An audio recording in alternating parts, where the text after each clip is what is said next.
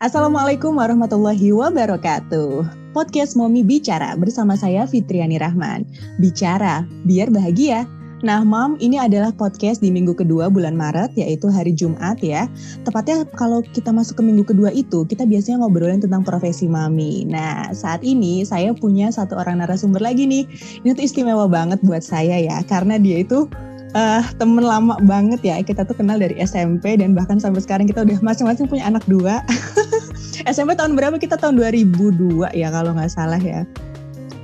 2000 ya sekitar 2001 2002, 2002 lah ya. Nah, dan ini sekarang udah 2021 jadi kebayang ya berapa lama ya saya kenal sama dia walaupun kita terpisah jarak dan kadang lost contact tapi bisa ketemu lagi itu sesuatu hal yang luar biasa banget. Dan sekarang saya punya kesempatan nih buat ngewawancarain dia karena buat saya dia salah satu orang yang inspiratif, Mam. Mudah-mudahan pengalamannya dia bisa uh, bisa jadi insight juga buat kita ya, masukan buat kita ya, momi-momi di mana pun berada.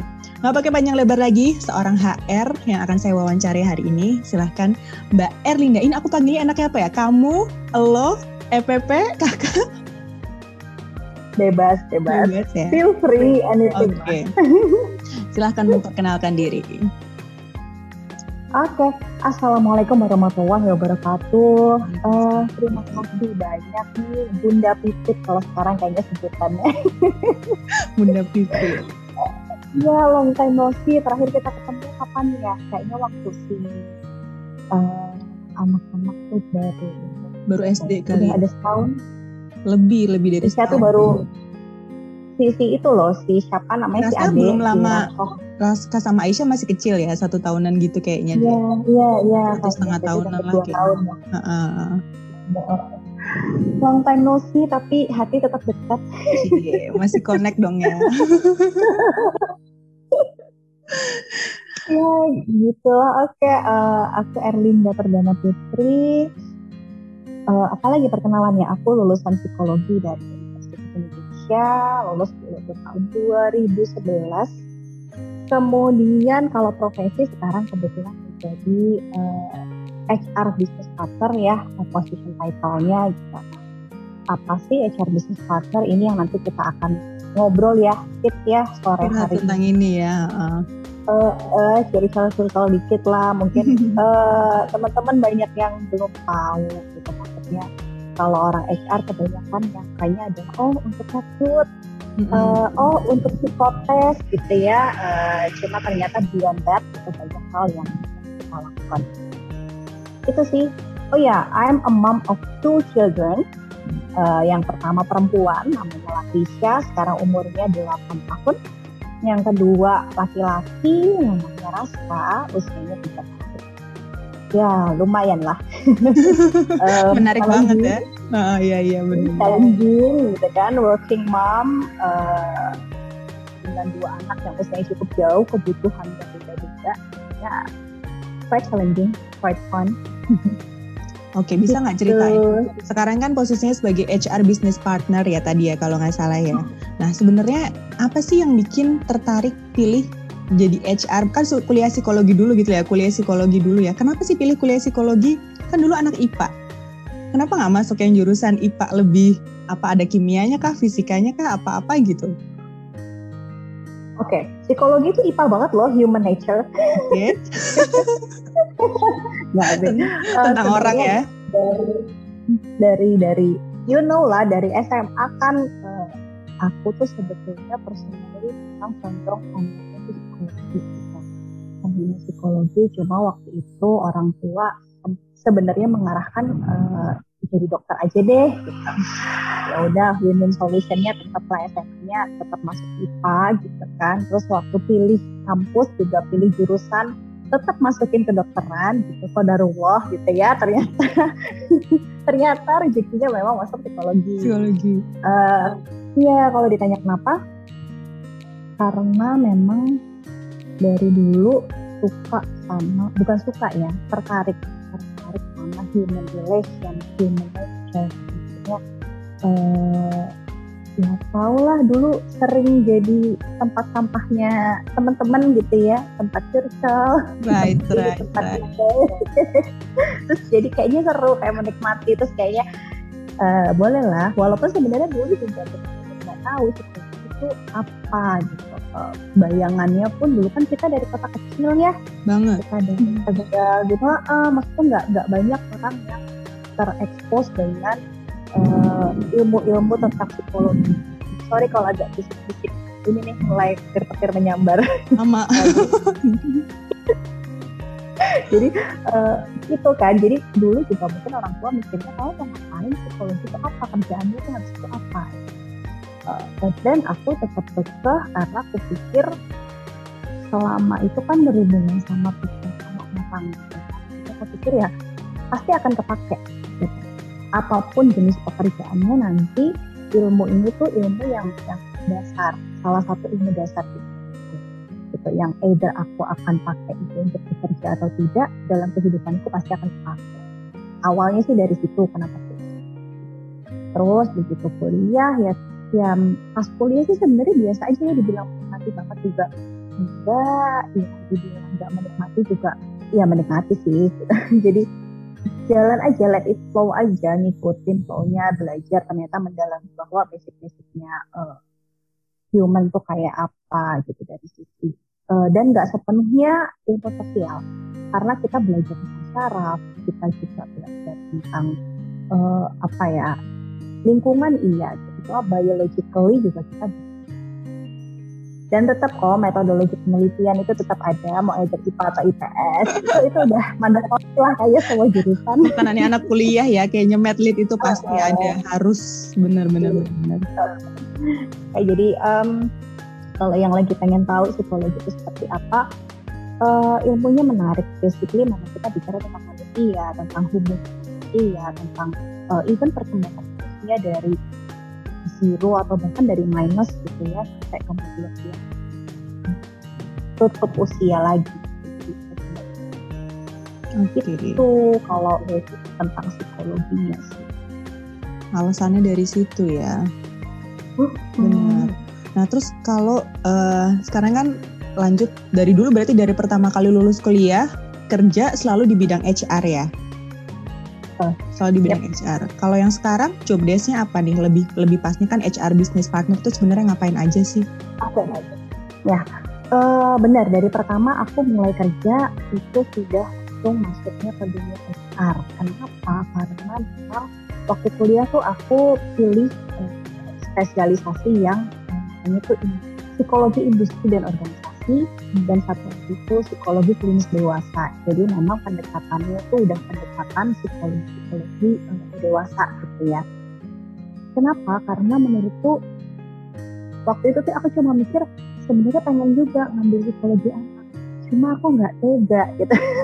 aku nggak tega kalau harus nantinya berhubungan dengan anak-anak yang membutuhkan special treatment. Akhirnya aku hmm. putuskan kayaknya aku akan lebih survive kalau aku berhubungan dengan orang dewasa deh Oke. Okay. Jadi, ya, jadi akhirnya pilihnya itu.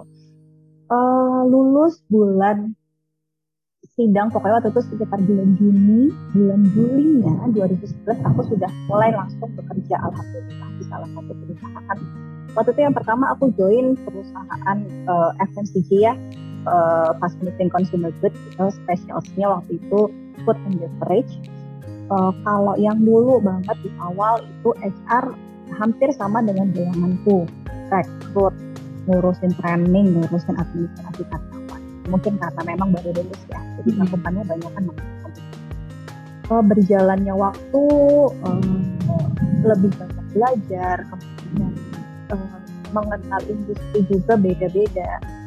Uh, jangan kaget sampai hari ini berarti aku sudah pernah bekerja di itu di sekitar empat perusahaan.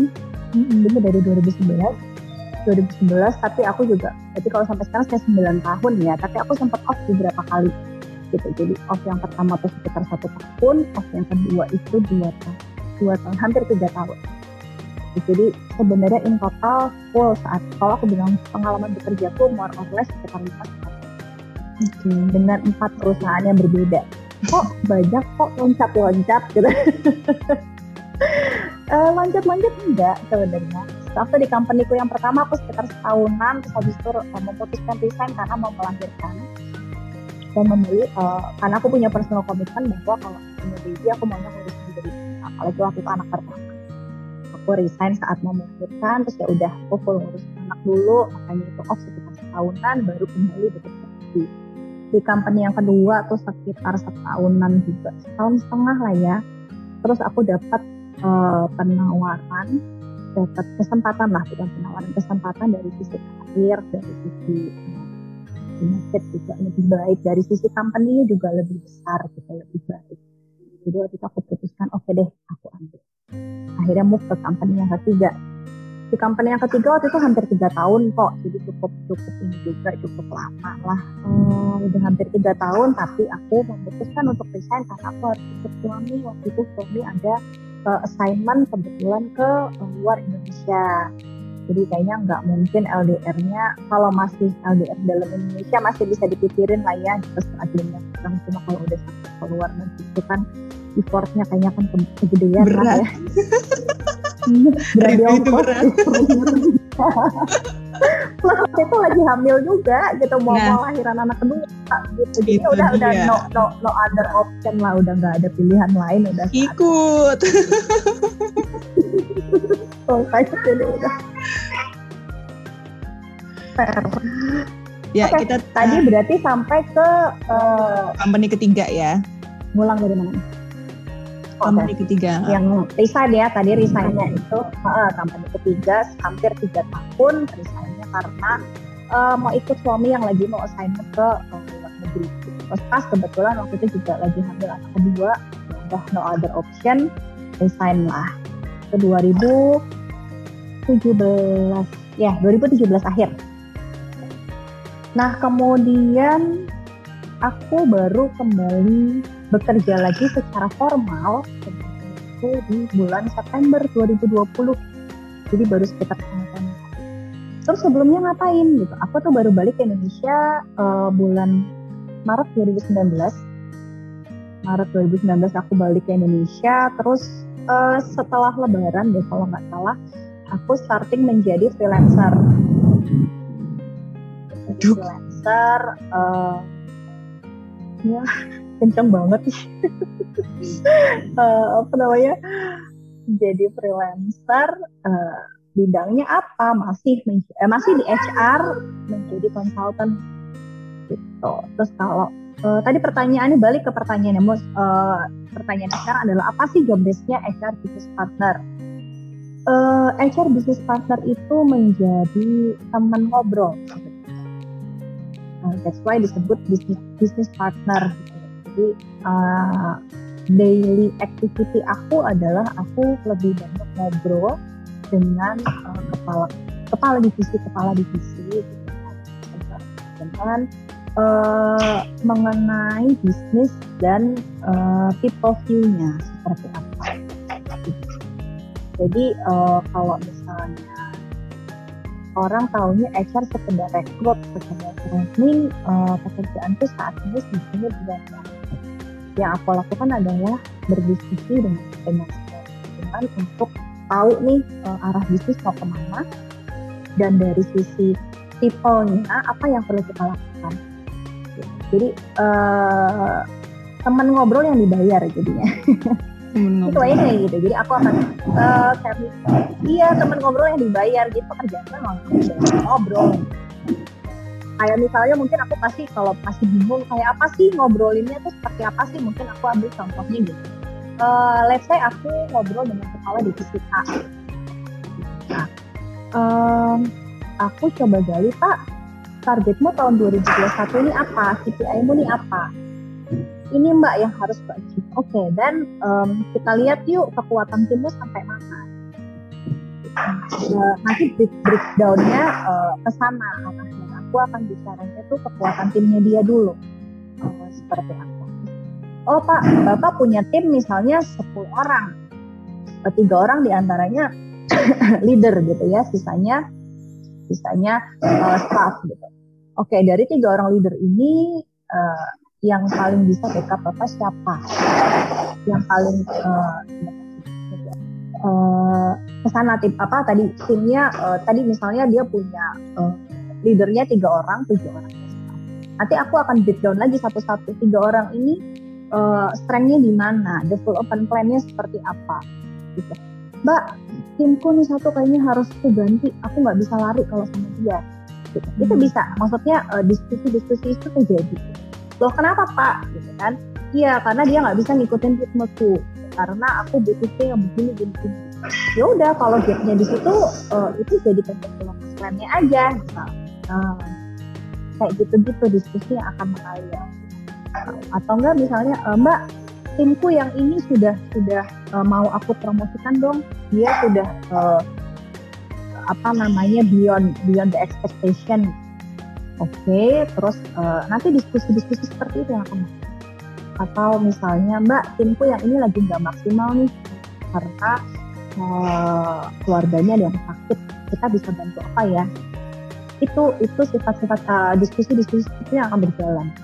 Uh, dan nanti juga misalnya kayak aku tahu di tahun ini misalnya uh, bisnis fokusnya kampung kita uh, ke mana gitu. terus nanti aku aku bisa come up dengan ide pak kita perlu achieve uh, target kita yang ini kan gimana kalau kita uh, perkuat tim dengan training apa Hmm. Atau misalnya kita coba kita coba atur yuk flow kerjanya tim Bapak yuk supaya secara output nanti bisa lebih maksimal misal.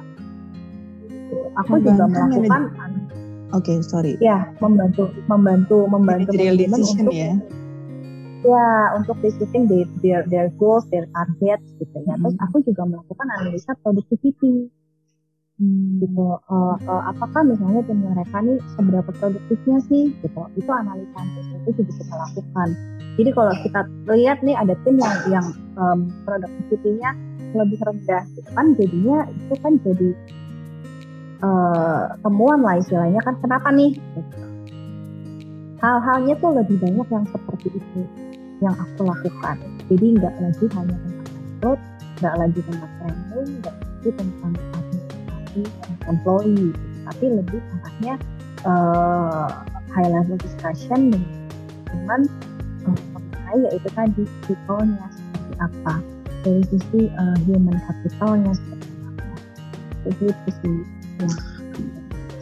Iya ya, jadi aku pikir HR itu selama ini kan orang mikirnya HR tuh CV yang baik itu kayak apa supaya bisa tembus HR gitu kan. Terus kayak misal eh, pas interview tuh kayak apa gitu. Pas mau ngelamar pekerjaan. Ya itulah tidak sekedar pekerjaan administratif, tapi ternyata ada juga ya bagian HR yang yang nggak cuma ngurusin administratif administratif kayak gaji atau rekrutmen itu. Tapi uh, bahkan masuk membantu uh, keputusan-keputusan manajemen gitu ya di HR business partner ini. Ini tuh di semua perusahaan ada atau hanya uh, posisi di beberapa perusahaan aja gitu? Uh, nampaknya sebenarnya fungsi business partner ini sudah semakin banyak sih diadaptasi sama perusahaan-perusahaan khususnya yang memang skalanya cukup besar hmm, gitu jadi biasanya kalau um, perusahaan ketika dia skala skalanya sudah cukup besar gitu ya. Let's say dia sudah punya karyawan sampai uh, eh, 500 aja gitu kan. Uh, eh, 500 orang ini terus saat kita ngomongin uh, eh, HR-nya kan nggak nggak hanya kita bicara administrasi. Kenapa? Karena nantinya udah ada kebutuhan untuk melihat bahwa di antara 500 orang ini ternyata 100 di antaranya itu talent gitu. Nah uh, gimana kita mengidentifikasi talent. Terus kalau kita sudah menentukan kita punya talent, kita mau apa? Terus uh, dengan kita punya talent segini, impactnya ke bisnis apa? Gitu. Itu kan uh, pekerjaan yang sudah harus dilakukan dan nggak bisa lagi dilakukan oleh HR yang hanya sekedar kita bicara administratif misal gitu. Jadi um, biasanya sih terkait dengan itu. Uh, semakin besar skalanya nanti uh, pembagian pembagian pekerjaan HR-nya juga semakin semakin luas. Lebih kompleks lagi gitu ya nggak sekedar urusan hmm. administrasi benar. Itulah kenapa uh, pilihan karir HR sangat menjanjikan juga ya. Bener nggak? Cukup menjanjikan cukup menjanjikan.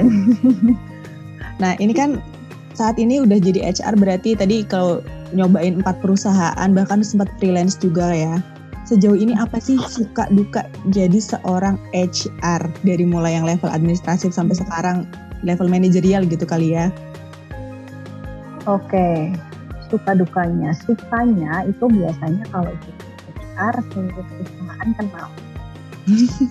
gitu. seluruh perusahaan biasanya kenal dan dan apa namanya walaupun kitanya nggak kenal gitu terus tapi ya kadang itu uh, sukanya itu. Jadi kayak semua orang tuh jadi kenal. Sengaja atau nggak sengaja. Um, sukanya lagi kita juga tahu banyak hal baik dari sisi perusahaannya maupun dari sisi karyawannya. Karena kan kita yang ngulik-ngulik tuh hmm. gitu kan. Kita yang menengahi gitu kadang-kadang menengahi kebutuhan perusahaan dan juga kebutuhan karyawan dukanya adalah ketika um, apa ya ketika nggak semua orang bisa kita bantu dalam arti gitu.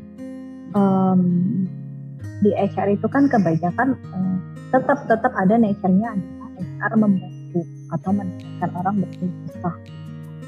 Ada yang misalnya aku mau mutasi dong aku udah lama nggak nggak pulang kampung tapi nggak semua hal bisa kita akomodir.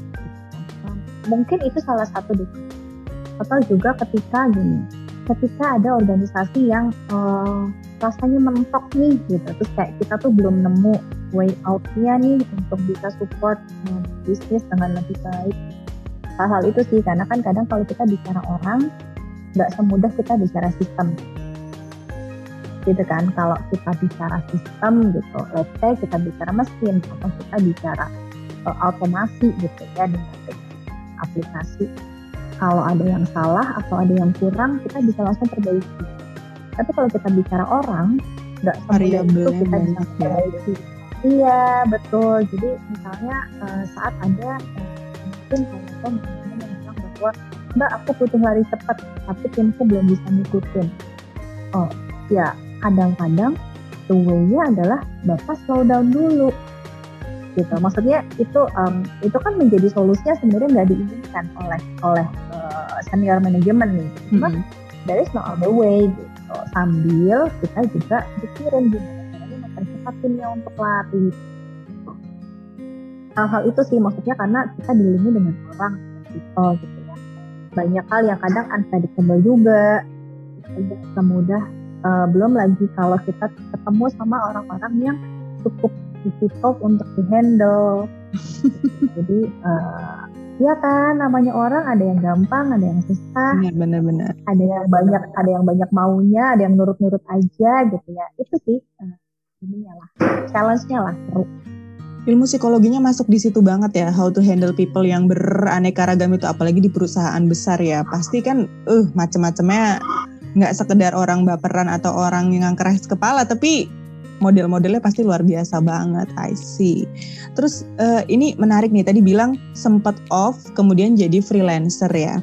Itu sebenarnya aku penasaran banget nih gimana ceritanya setelah resign terus bisa masuk kerja lagi, kemudian jadi freelancer, terus kerja di perusahaan lagi, itu menarik banget loh. Kayaknya nggak banyak juga orang yang kayak gini atau banyak tapi aku belum tahu ya gimana sih caranya. Mungkin ada yang penasaran para ibu rumah tangga yang pernah resign kemudian pengen masuk lagi kerja gitu. Uh -uh.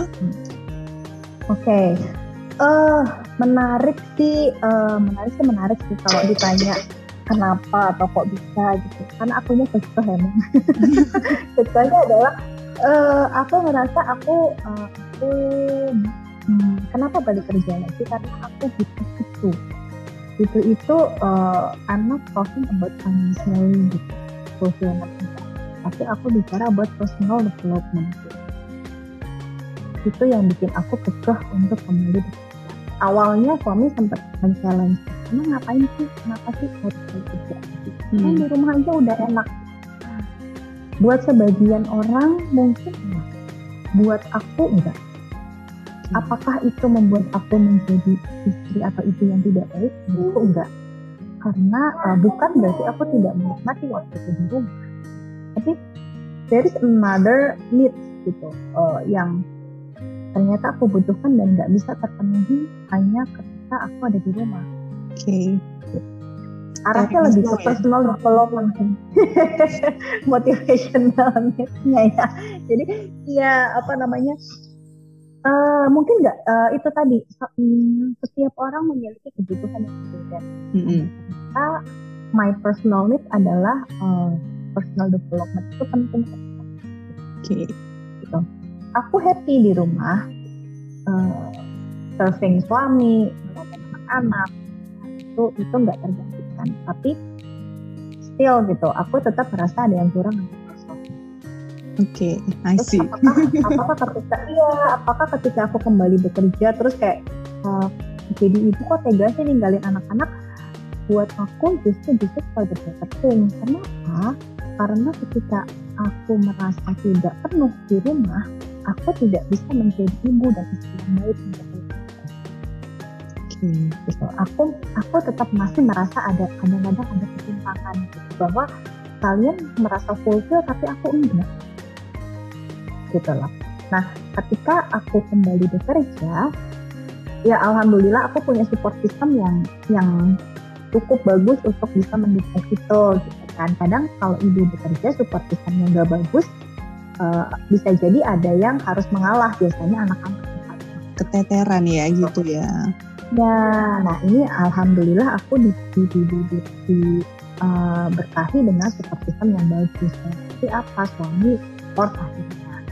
Uh, orang tuaku alhamdulillah juga support dan rumah mereka tuh dekat dengan rumahku gitu jadi um, bisa lah membantu dengan gitu um, walaupun sebenarnya kalau kondisi sebelum pandemi ya ketika aku bekerja uh, anakku yang besar sekolah kan sudah full day sore dia baru pulang kalau yang kecil itu memang aku selalu committed kalau aku punya anak aku bekerja, aku berusaha tidak merepotkan siapa pun. Jadi anak-anakku ada di daycare. Daycare, oke. Okay. Uh, uh, jadi maksudnya itu itu juga balik lagi personal choice sih, personal benar, benar, benar. pilihan personal yang bisa jadi untuk satu orang cocok, orang lain nggak cocok. Dan pasti Buat udah melewati itu, pertimbangan ya. Banyak, ya gitu. Jadi uh, banyak lah yang udah plus minusnya apa gitu. Nah, aku okay. memutuskan Anakku yang pertama, kedua, dua-duanya anak daycare Cuma yang kecil aja nih yang kedua berhubung ada pandemi, daycare otomatis off ya. Oh, gitu. Iya benar. Agak agak agak kesian sih dia experience-nya beda dibanding kakaknya. Maksudnya Banget. Kemandirian dari sisi uh, apa namanya keinginan belajar, keinginan sekolah tuh jadinya timpang banget tuh antara si kakak sama si adik. Tapi ya overall masih semuanya Oke. Okay itu juga yang emang pasti banyak dirasain sama ibu-ibu akhir-akhir ini ya semenjak pandemi ini ya yang punya anak. Aku juga ngerasa si adek jadi kayak bukan dengan sengaja membeda-bedakan tapi memang kondisinya jadi iya. beda gitu kan. Berbeda. Benar-benar menyiapkannya juga beda gitu. Walaupun uh, apalagi dirimu yang emang udah kerja gitu ya ngerasa banget bedanya aku juga yang ibu rumah tangga ngerasa nggak bisa full juga nih kayak si kakaknya dulu yang kayak uh, apa sih usia dini udah sekolah bukan usia dini juga sih tiga setengah tahun udah di sekolahin gitu sekarang kan kalau mau sekolah online juga ya anak balita online apa yang didapat hmm. gitu kan mereka butuh stimulasi uh, sensorik motoriknya kan gitu iya. oke okay.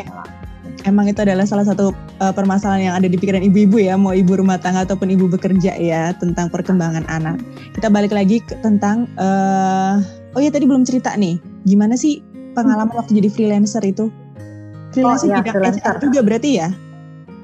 Ya, tetap tetap di HR freelancernya hmm. itu um, gimana ceritanya aku bisa jadi freelancer gitu ya. Jadi uh, tadi aku sempat bilang aku pulang ke Indonesia setelah nanti suatu assignment itu Maret 2019.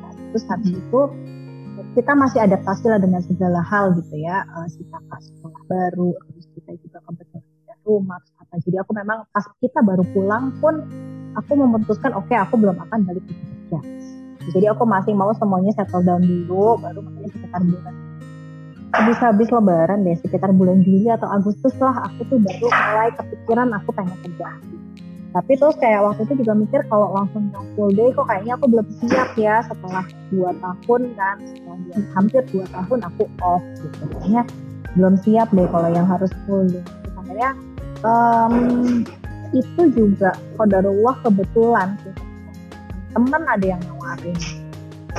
Uh, er uh, temen gue di konsultan lagi cari uh, buat interviewer mau dong gitu jadi awalnya tuh dari situ jadi dari teman yang nawarin Hmm. Uh, jenis pekerjaannya seperti apa? Variatif banget kalau nah, Aku pernah jadi interviewer, aku pernah jadi um, coach, uh, aku pernah jadi training facilitator, aku juga pernah um, uh, Sorry, tadi coach, coach ngapain nih? Jadi coachnya itu ngapain? Nah, Oke, okay, untuk coach ini sebenarnya jadi untuk sesi coaching buat orang-orang ada banyak hal. Kalau waktu itu sesi yang pernah aku aku ikuti, aku jadi coach untuk orang-orang yang uh, harus beralih profesi. Gitu. Jadi waktu itu ada di salah satu sektor industri yang cukup sering mereka tuh uh, istilahnya caplok-caplokan perusahaan ya. Nah, jadi ada nih perusahaannya dicaplok gitu kan, nggak semua orangnya diabsorb diambil. Aku menjadi coach untuk orang-orang yang tidak diabsorb. Hmm. Untuk oh, jadi gini, memastikan bahwa setelah mereka lepas dari perusahaan ini, mereka tetap termotivasi untuk mencari pekerjaan yang baru. Berat nggak sih? Dan itu biasa. Uh, temen ngobrol aja jadinya. Jadi benar-benar pekerjaanku tuh kebanyakan ngobrol. Coachnya itu enggak yang aku aku enggak akan menjadi orang yang mengajari mereka tuh enggak. Aku kebanyakan ngobrol aja. Aku temenin mereka ngobrol, aku mencoba menggali mereka punya potensi apa. Terus setelah ini sebenarnya personal aspirasinya mereka tuh apa gitu. Itu salah satu contohnya sesinya. Kalau enggak ada lagi coach untuk saat uh, orang anak-anak yang baru lulus kuliah yang masih bingung karirnya mau ke mana. Hmm, masih gitu. Coachnya ngapain? Lagi-lagi ngobrol. Hmm. Lagi-lagi ngobrol gitu kan.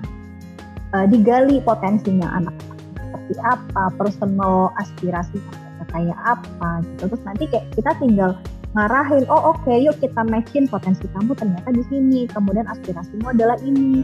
Kira-kira bidang pekerjaan yang akan match dengan kedua hal itu apa? Terus nanti future-nya arahnya akan seperti apa? Gitu. Itu di hire sama perusahaan atau apa tuh? Oh, freelancer ya? Konsultan. Ya, uh, konsultan. Jadi konsultan uh, bisa jadi konsultan HR atau konsultan manajemen. Nah nanti ada lagi perusahaannya yang membayar.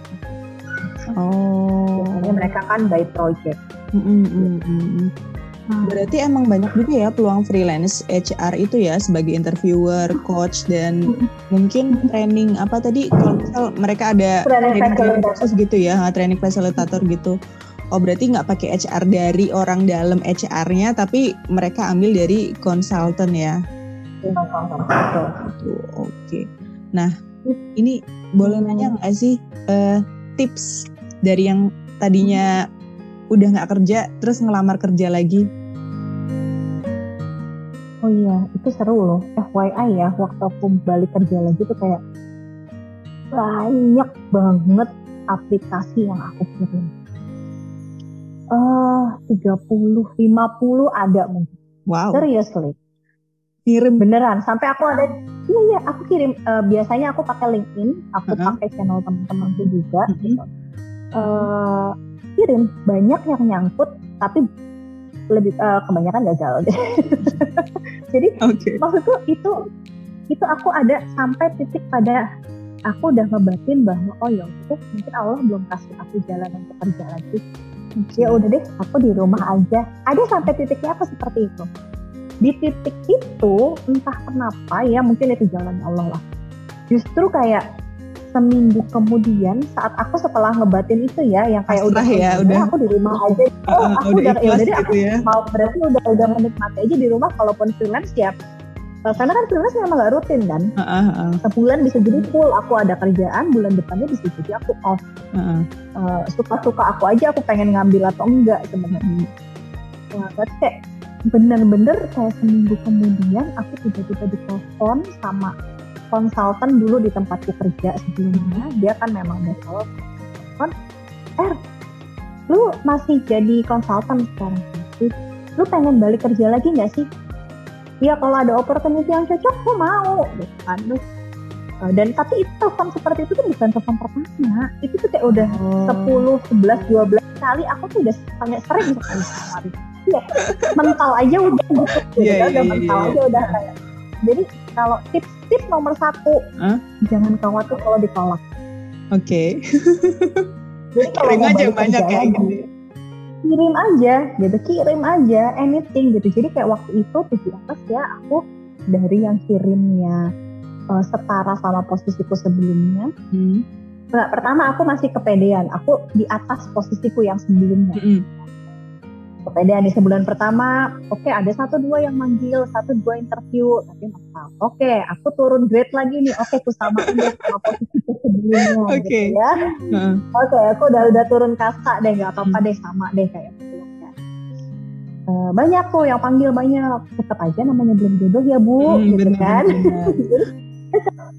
Sampai ada masanya aku bahkan apply, oke deh, aku turun satu kali ya karena aku udah sekian tahun off. Gitu. Itu sampai ada titik Lebih turun lagi ya levelnya ya. Oh iya turun iya. lagi gitu. Jadi maksudku em, tips nomor satu nggak usah takut ditolak Masalah karena umur memang nggak mudah. Eh kalau untuk aku kebetulan untuk karena aku udah udah di oh ya jadi Mm-mm. usia sebetulnya buat aku nggak terlalu masalah waktu itu. Hmm, I see, I see. Cuma memang keraguan rata-rata keraguan dari waktu itu perusahaan-perusahaan yang mau meng-hire aku adalah Hmm. karena aku dua kali memutuskan resign dengan alasan family gitu.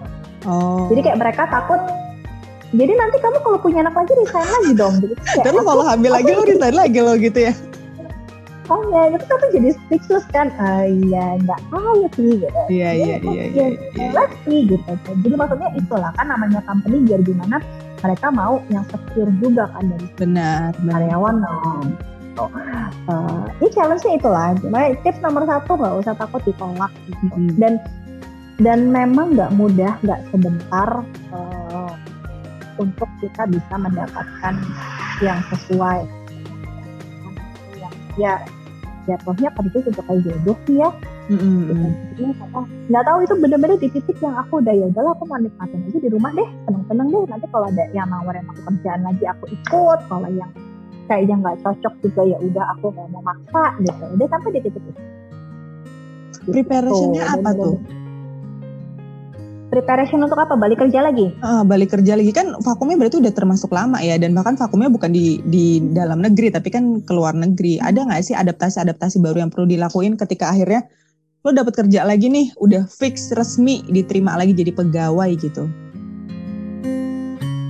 Hmm, kayaknya aku aku nggak terlalu banyak persiapan sih karena eh oh paling gini. Kalau mungkin buat ibu-ibu paling berbeda deh buat aku karena waktu kemarin anakku udah dua. Mm-mm. yang terakhir aku resign kan anakku masih satu gitu ya. Jadi aku cuma mikirin kebutuhannya satu anak gitu. Yang kemarin aku harus mikirin kebutuhannya dua anak. Paling yang disiapin itu Eh, terus memang harus eh, tega sih. Bukan tega ya lebih ke kitanya harus merasa baik-baik aja ninggalin anak kalau kitanya melo kalau kitanya galau pas baru mau kerja terus kayak sering-sering ngecek gitu nih anakku lagi ngapain aman gak nangis gak rewel gak percayalah anakmu akan rewel Nyambung ya, bener. Bener bener bener. bener. percaya mom gitu oh anakmu akan rewel tapi kalau eh, kitanya udah punya aku lebih banyak melakukan itu sih apa Sounding. eh, eh, sounding juga nggak terlalu karena menurutku dia belum terlalu ngerti. Jadi buat aku ya aku cuek aja. Misalnya eh kan dua minggu pertama nangis iya. Tapi udah biarin aja fasenya emang nangis. Mm-mm, mm-mm. yang penting satu perlu ingat kalau mau berangkat pamit sama anak. Itu Mm. nomor satu pamit. Anaknya na- pas kita berangkat dia nangis kejar biarin aja. Karena begitu kita keluar pagar kita udah nggak kelihatan itu anak diem. Gitu. Jadi cranky-nya aja maksudnya kayak manjanya aja sama. Oke oke.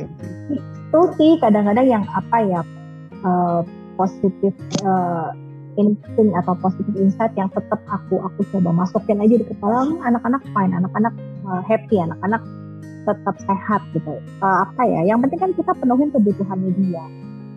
Dan satu komitmen aku kalau aku kerja gitu ya once aku meninggalkan kantor aku meninggalkan pekerjaanku di kantor kecuali untuk hal-hal yang memang urgent jadi saat aku di rumah, fokusku ke anak-anak ke suami.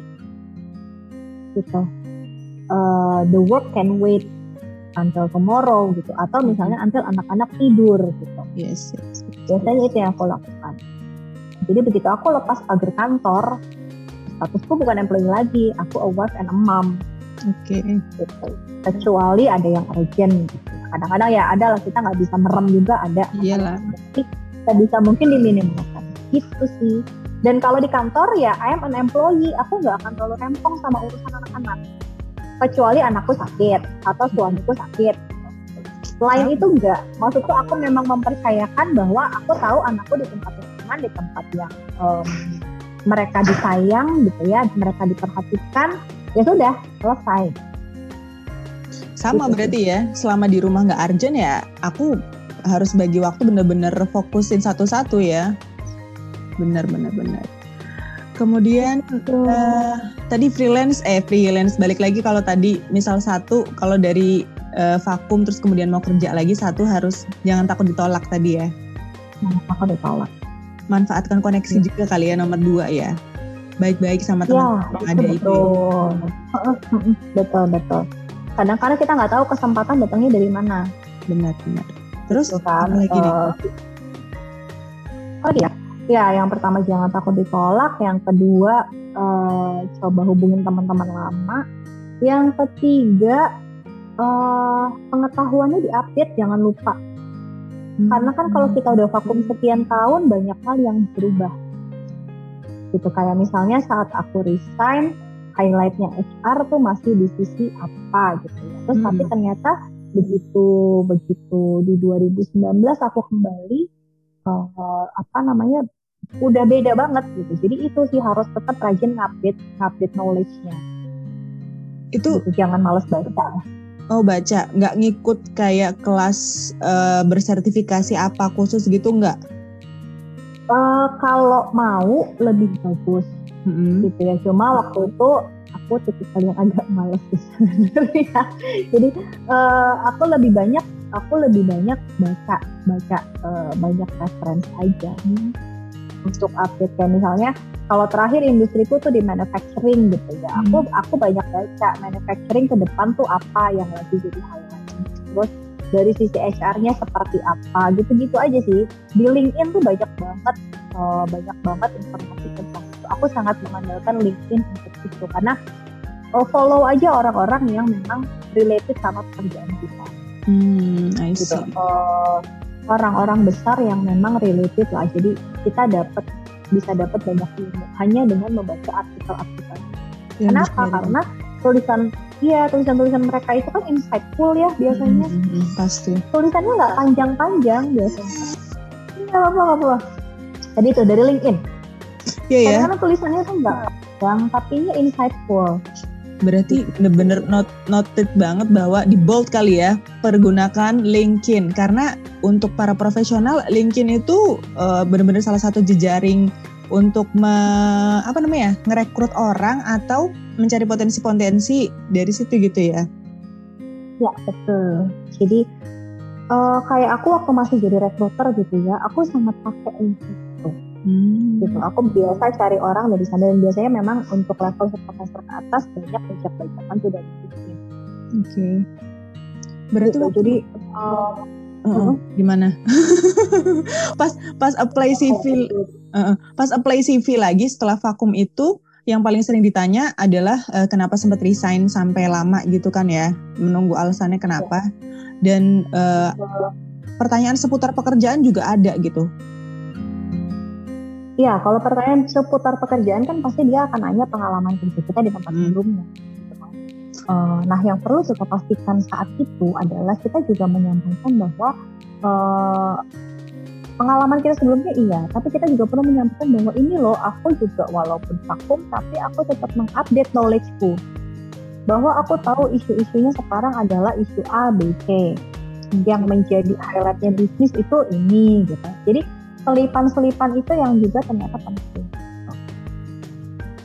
Aku mau nanya nih ya, HR itu kan kayak tadi bisnis partner ikut uh, nimbrung lah ya ngajakin ngobrol tentang ada tim bagian timnya yang begini-begini gitu. Nah kalau masalah attitude baik hmm. sebagai seorang freelancer ataupun sebagai seorang pegawai itu dari sisi HR ngurusin nggak sih attitude hmm. seorang entah pegawai atau freelancernya itu gitu? Oke, okay. uh, kalau freelancer jelas enggak. Kenapa? Karena hmm. kita di luar organisasi. Hmm. Kita kan outsider gitu. Biasanya kita hanya memberi input aja, tapi kita uh, kalaupun giving solution biasanya sifatnya yang Hmm, hmm. Kita kalau misalnya kayak konsultan HRD itu uh, konsultan HR atau konsultan manajemen itu saat diminta solusi solusinya lebih yang bersifat teknis. Misalnya dari sisi organisasi ternyata perlu diupdate nih organisasinya gitu. Atau misalnya dari sisi prosedur nih yang harus diperbaiki. Gitu. Jadi sifatnya yang bersifat teknis. Itu kalau kita bicara konsultan. Oke. Okay. Nah kita uh, di luar perusahaan gitu ya. Nah, kalau dari sisi karyawan, ngomongin attitude nggak sih? Ngomongin attitude, betul. Tapi sejauh mana kita terlibat, itu uh, kembali lagi kita kan punya peraturan perusahaan yang menjadi acuan. Mm -hmm. Biasanya kalau di perusahaan itu kita nggak akan masuk terlalu jauh ke personalnya seseorang. Seseorang, oke. Okay. Uh. Ya, unless, unless uh, hal itu mempengaruhi pekerjaan misalnya attitude-nya nggak bagus terus dia mangkir nggak bekerja selama sekian hari bekerja mm-hmm. itu kan sudah diatur tuh dalam peraturan perusahaan di situ kita bisa masuk gitu cuma kalau misalnya ada attitude yang mohon maaf ya maaf kalau yang bandel-bandel gitu di luar sana gitu ya kan uh. ya ada lah oknum-oknum yang bandel-bandel uh. nah uh, kalau itu menyangkut permasalahan pribadi perusahaan biasanya nggak akan ikut Oke. Okay. Akan berbeda kalau misalnya sifat nakalnya ini menyebabkan fraud. Oh. Fraud di, di perusahaan itu pasti akan ditindak juga karena ya itu tadi hal-hal yang memang kan kita udah batasannya ada di peraturan perusahaan. Hmm. Jadi sejauh mana kita bisa masuk ya kita acuannya dari situ. Mau lo bandel, mau lo uh, baperan, mau lo apa asal pekerjaan lo beres gitu ya kalau pekerja uh, kalau di kantor gitu ya. Hmm kecuali hmm. kalau baperan lo bandel lo itu merugikan mengganggu ya kayak misalnya ya kayak misalnya timnya jadi nggak kondusif nih gara-gara bosnya baper gitu. Hmm. ya itu perlu di coaching berarti. Benar, ya, yang nge-coach siapa gitu. Bisa jadi atasannya bisa jadi kita pakai coach eksternal. Hmm. nggak mesti orang HR-nya juga ya yang turun tangan ya?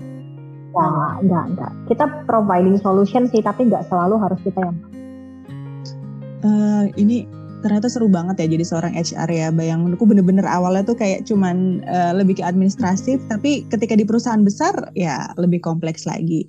Dan hmm. ini sebagai seorang ibu, sebagai seorang karyawan, pada jadi freelancer juga boleh uh, bagi ini bagi tips dulu apa enaknya ngasih tahu dulu nih perbedaan freelancer sama uh, working mom. Bukan working mom ya, tapi freelancer sama pegawai gitu kali ya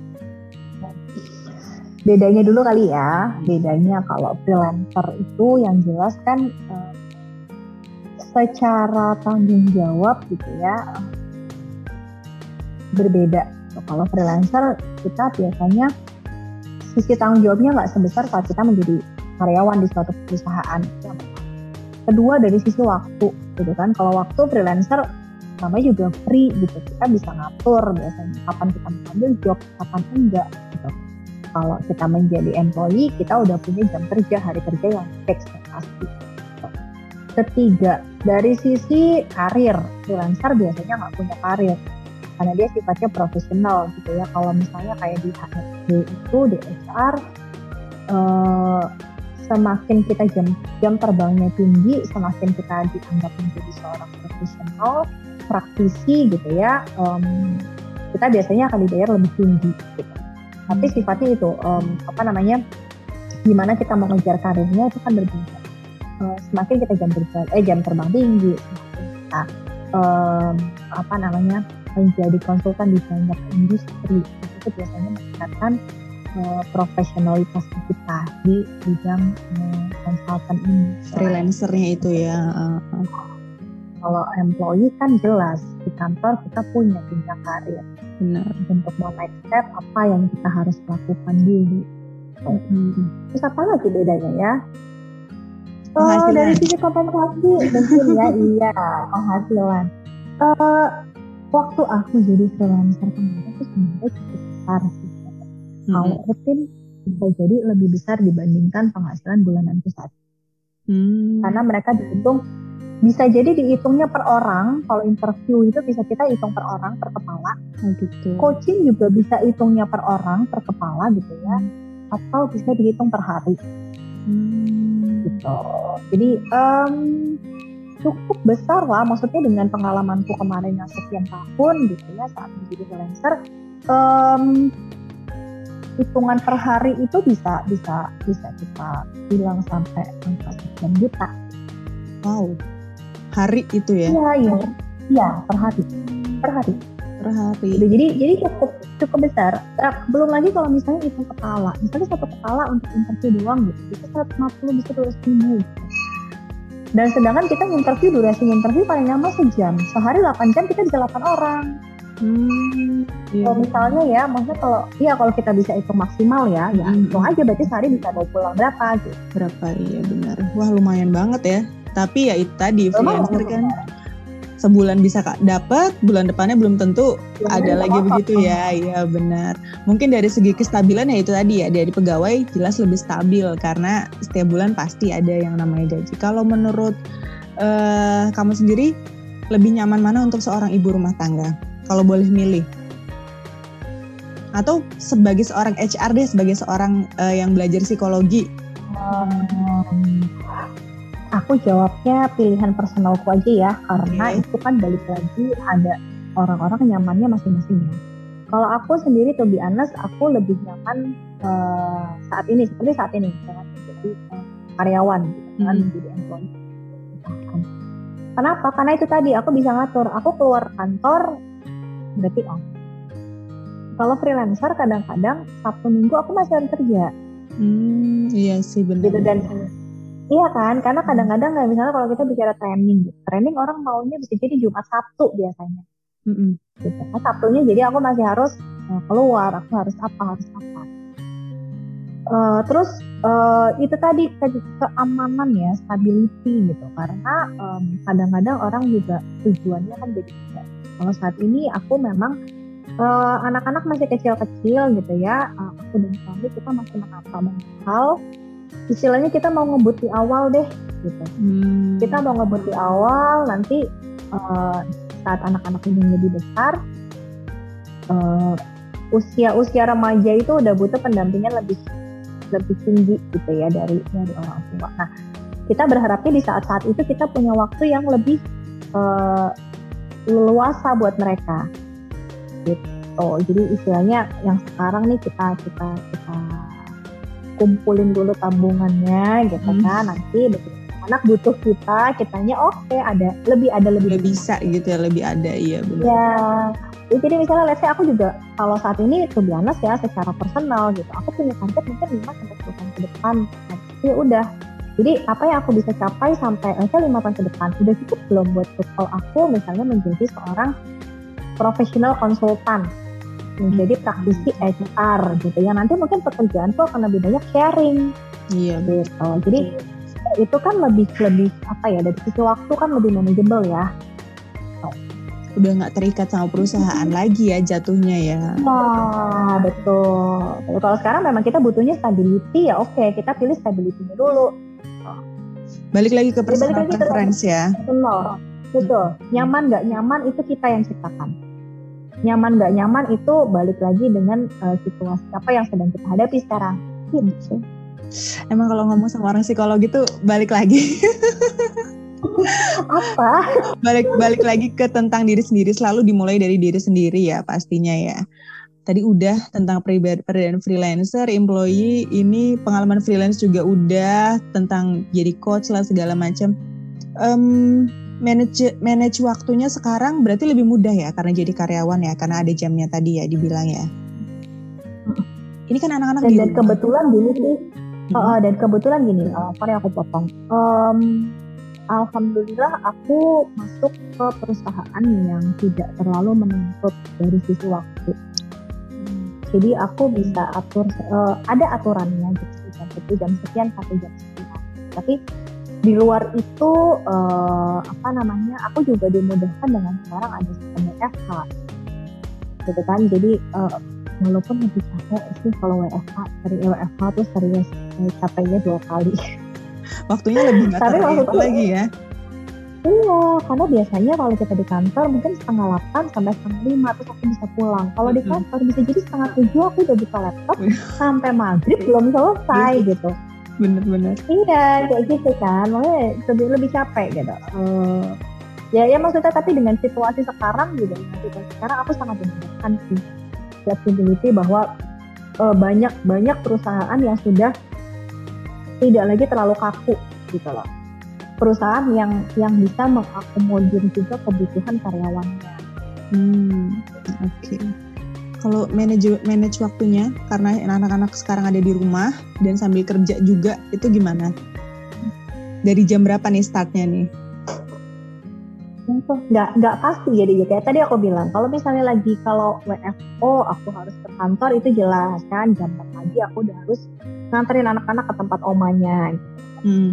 Apa namanya kalau lagi di rumah ya aku biasanya selesaiin mereka sarapan dulu lah gitu segala macam nanti baru aku ikut gitu ngajar juga. jam-jam uh, ngajarin si kakak sekolah? Uh, si kakak sekolah. Aku sangat bersyukur diberkahi anak yang sangat mandiri. Jadi dia nggak terlalu rempong Oke. Okay. Jadi kalau ibu-ibu lain gitu ya, ibu-ibu lain sering mengeluh tentang sekolah online-nya, aku alhamdulillah sampai hari ini belum pernah merasakan kesulitan hmm. untuk itu. Jadi hmm. si kakak nanya nggak sih bolak-balik? Oh iya, nanya, hmm. nanya. Cuma uh, kebetulan sekolahnya sendiri itu sangat menekan dari awal ya, bahkan sebelum pandemi.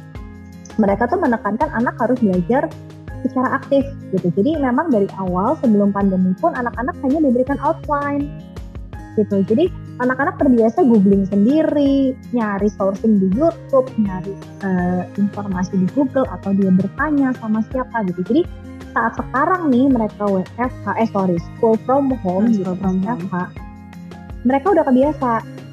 Hmm. Jadi nggak lagi, nggak malahan sekarang itu yang sampai terjadi si kakak ini, mama worksheet aku kurang. Oh, dia butuh asupan worksheet gitu ya. Iya jadi aku cuma bilang ya udah kamu bilang sama mentor mau minta worksheet lagi aja gitu. Hmm. jadi kayak tugas yang harus sampai Jumat dia biasanya hari Rabu tuh udah selesai. Jadi nanti dari hari Kamis sama aku hari Kamis ngapain? Ya udah bikin laporan. Nah, udah selesai laporan itu apa lagi? Jadi ya udah kamu bilang lah sama mentornya minta worksheet mana kerjaannya lagi gitu ya. Iya jadi malah yang terjadi itu ngajarin gak sih? Ngajarin tapi ya memang karena uh, untungnya untungnya si kakak ini udah terbiasa belajar aktif hmm. jadi nggak terlalu susah aku hmm. bisa lepas gitu mungkin itu salah satu bentuk Uh, uh, salah satu bentuk support system yang saat ini sangat disyukuri hmm. juga ya sebagai seorang ibu bekerja ya karena kan banyak juga nih teman-teman yang ibu bekerja ketika WFH dia ngerasa sangat repotnya yaitu harus ikut ngajarin hmm. anaknya sekolah daring juga hmm. karena memang repot hmm. banget alhamdulillahnya hmm. itu um, lumayan lama juga ya kita uh, mendengarkan sharing-sharing dari Ibu Erlinda Perdana Putri. Dan ternyata ini sangat menurut saya sih menarik.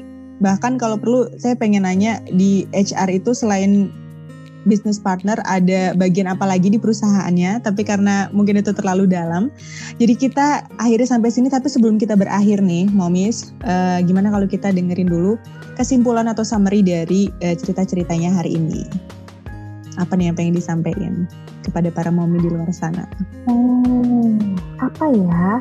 Mommy pokoknya uh, bekerja atau tidak bekerja, kalian tetap uh, ibu yang terbaik buat aku. Jadi apa ya? Aku merasakan gitu. Jadi karena uh, benar-benar aku ngerasain saat jadi ibu rumah tangga full gitu ya, dan juga menjadi ibu yang bekerja. Dua-duanya sama-sama indah, dua-duanya sama-sama menyenangkan dengan value-nya masing-masing. Um, aku sih berharap sebetulnya untuk semua mami in the world gitu ya, uh, kalian punya kesempatan uh, untuk bisa mengeksplor diri, uh, bukan hanya caranya dengan bekerja tidak. Contohnya dengan si Bunda Pipit ini loh, gitu ya. Uh, eksplorasi dirinya kan nggak dengan bekerja formal, tapi menjadi seorang um, podcaster gitu ya, VO iya. ya. jualan gitu uh, uh, banyak hal yang memang um, kita sebagai ibu tuh perlu lakukan satu yang benar-benar aku rasakan adalah kalau misalnya ada yang bilang kalau mau jadi ibu yang baik ya seorang ibu tuh harus happy dan itu benar kalau kalau kita happy kalau kebutuhan personal kita ini kita nggak bicara kebutuhan physically ya gitu tapi kita bicara kebutuhan mental kebutuhan batin gitu. Iya kebutuhan psikis gitu. Itu terpenuhi. Kita yakinlah bahwa kita akan menjadi ibu yang jauh lebih baik lagi buat anak. Dan anak-anak juga akan lebih bangga kepada ibunya. Benar. Gitu loh. Setuju, setuju. Iya, jadi apa pun apa pun pilihan kalian gitu ya, apa pun pilihan kalian mau gitu. Jadi itu buatlah itu menjadi pilihan yang terbaik, lakukan itu dengan proud gitu ya, dengan bangga supaya anak-anak kalian juga merasakan kebanggaan itu gitu. Karena biar gimana anak-anak tuh uh, hatinya tuh hatinya mami banget sih nyambung banget ya sama ibunya ya apa yang dia rasain ya jadi jadi kesimpulannya itu sih maksudnya terlepas dari diskusi kita hari ini ya hmm. obrolan kita tentang ibu bekerja gitu. Oh, karena aku pernah berada di dua posisi itu jadi pesanku sih itu jadilah ibu yang bangga hati happy mami happy family ya. Happy family ya bener banget. Sangat-sangat menarik dan saya senang banget bisa dengerin sharing sambil curol-curol dikit ya. dari seorang Erlinda Perdana. berikutnya. Iya. Uh, akhir kata semoga bermanfaat ya moms ya. Mohon maaf apabila ada kekurangan dan saya juga minta maaf apabila ada kekurangan nih kepada kakak si kakak Erlinda Perdana Putri, Mbak R, Mbak R. Makasih Titit, ya Allah aku rindu banget beneran sama kamu. Kita meet up kapan ya, iya nih. Oh, makasih banget kesempatannya aku happy banget. Aku tuh di Spotify sering dengerin ya podcast podcastmu ini di mana bicara. Thank you very much sudah mendengarkan. Semoga bermanfaat ya. Dan ya sekali lagi aku minta maaf kalau misalnya emang ini nanti tenang aja. Ada yang ada yang diedit edit kok pasti kok nggak nggak full di di ini. Ada yang dipotong-potong pasti. Yang jelas terima kasih banyak udah mau hadir di sini. Dan aku sekali lagi minta maaf kalau misal uh, dari pertanyaan ada yang kurang atau cara, cara aku membawakan ada yang masih belum belum bagus. Ini sambil ya karena kan emang udah lama banget sih ya aku nggak nggak siaran lagi dan segala macam dan terima kasih sudah mau ngasih kesempatan sama aku untuk mewawancarai dirimu.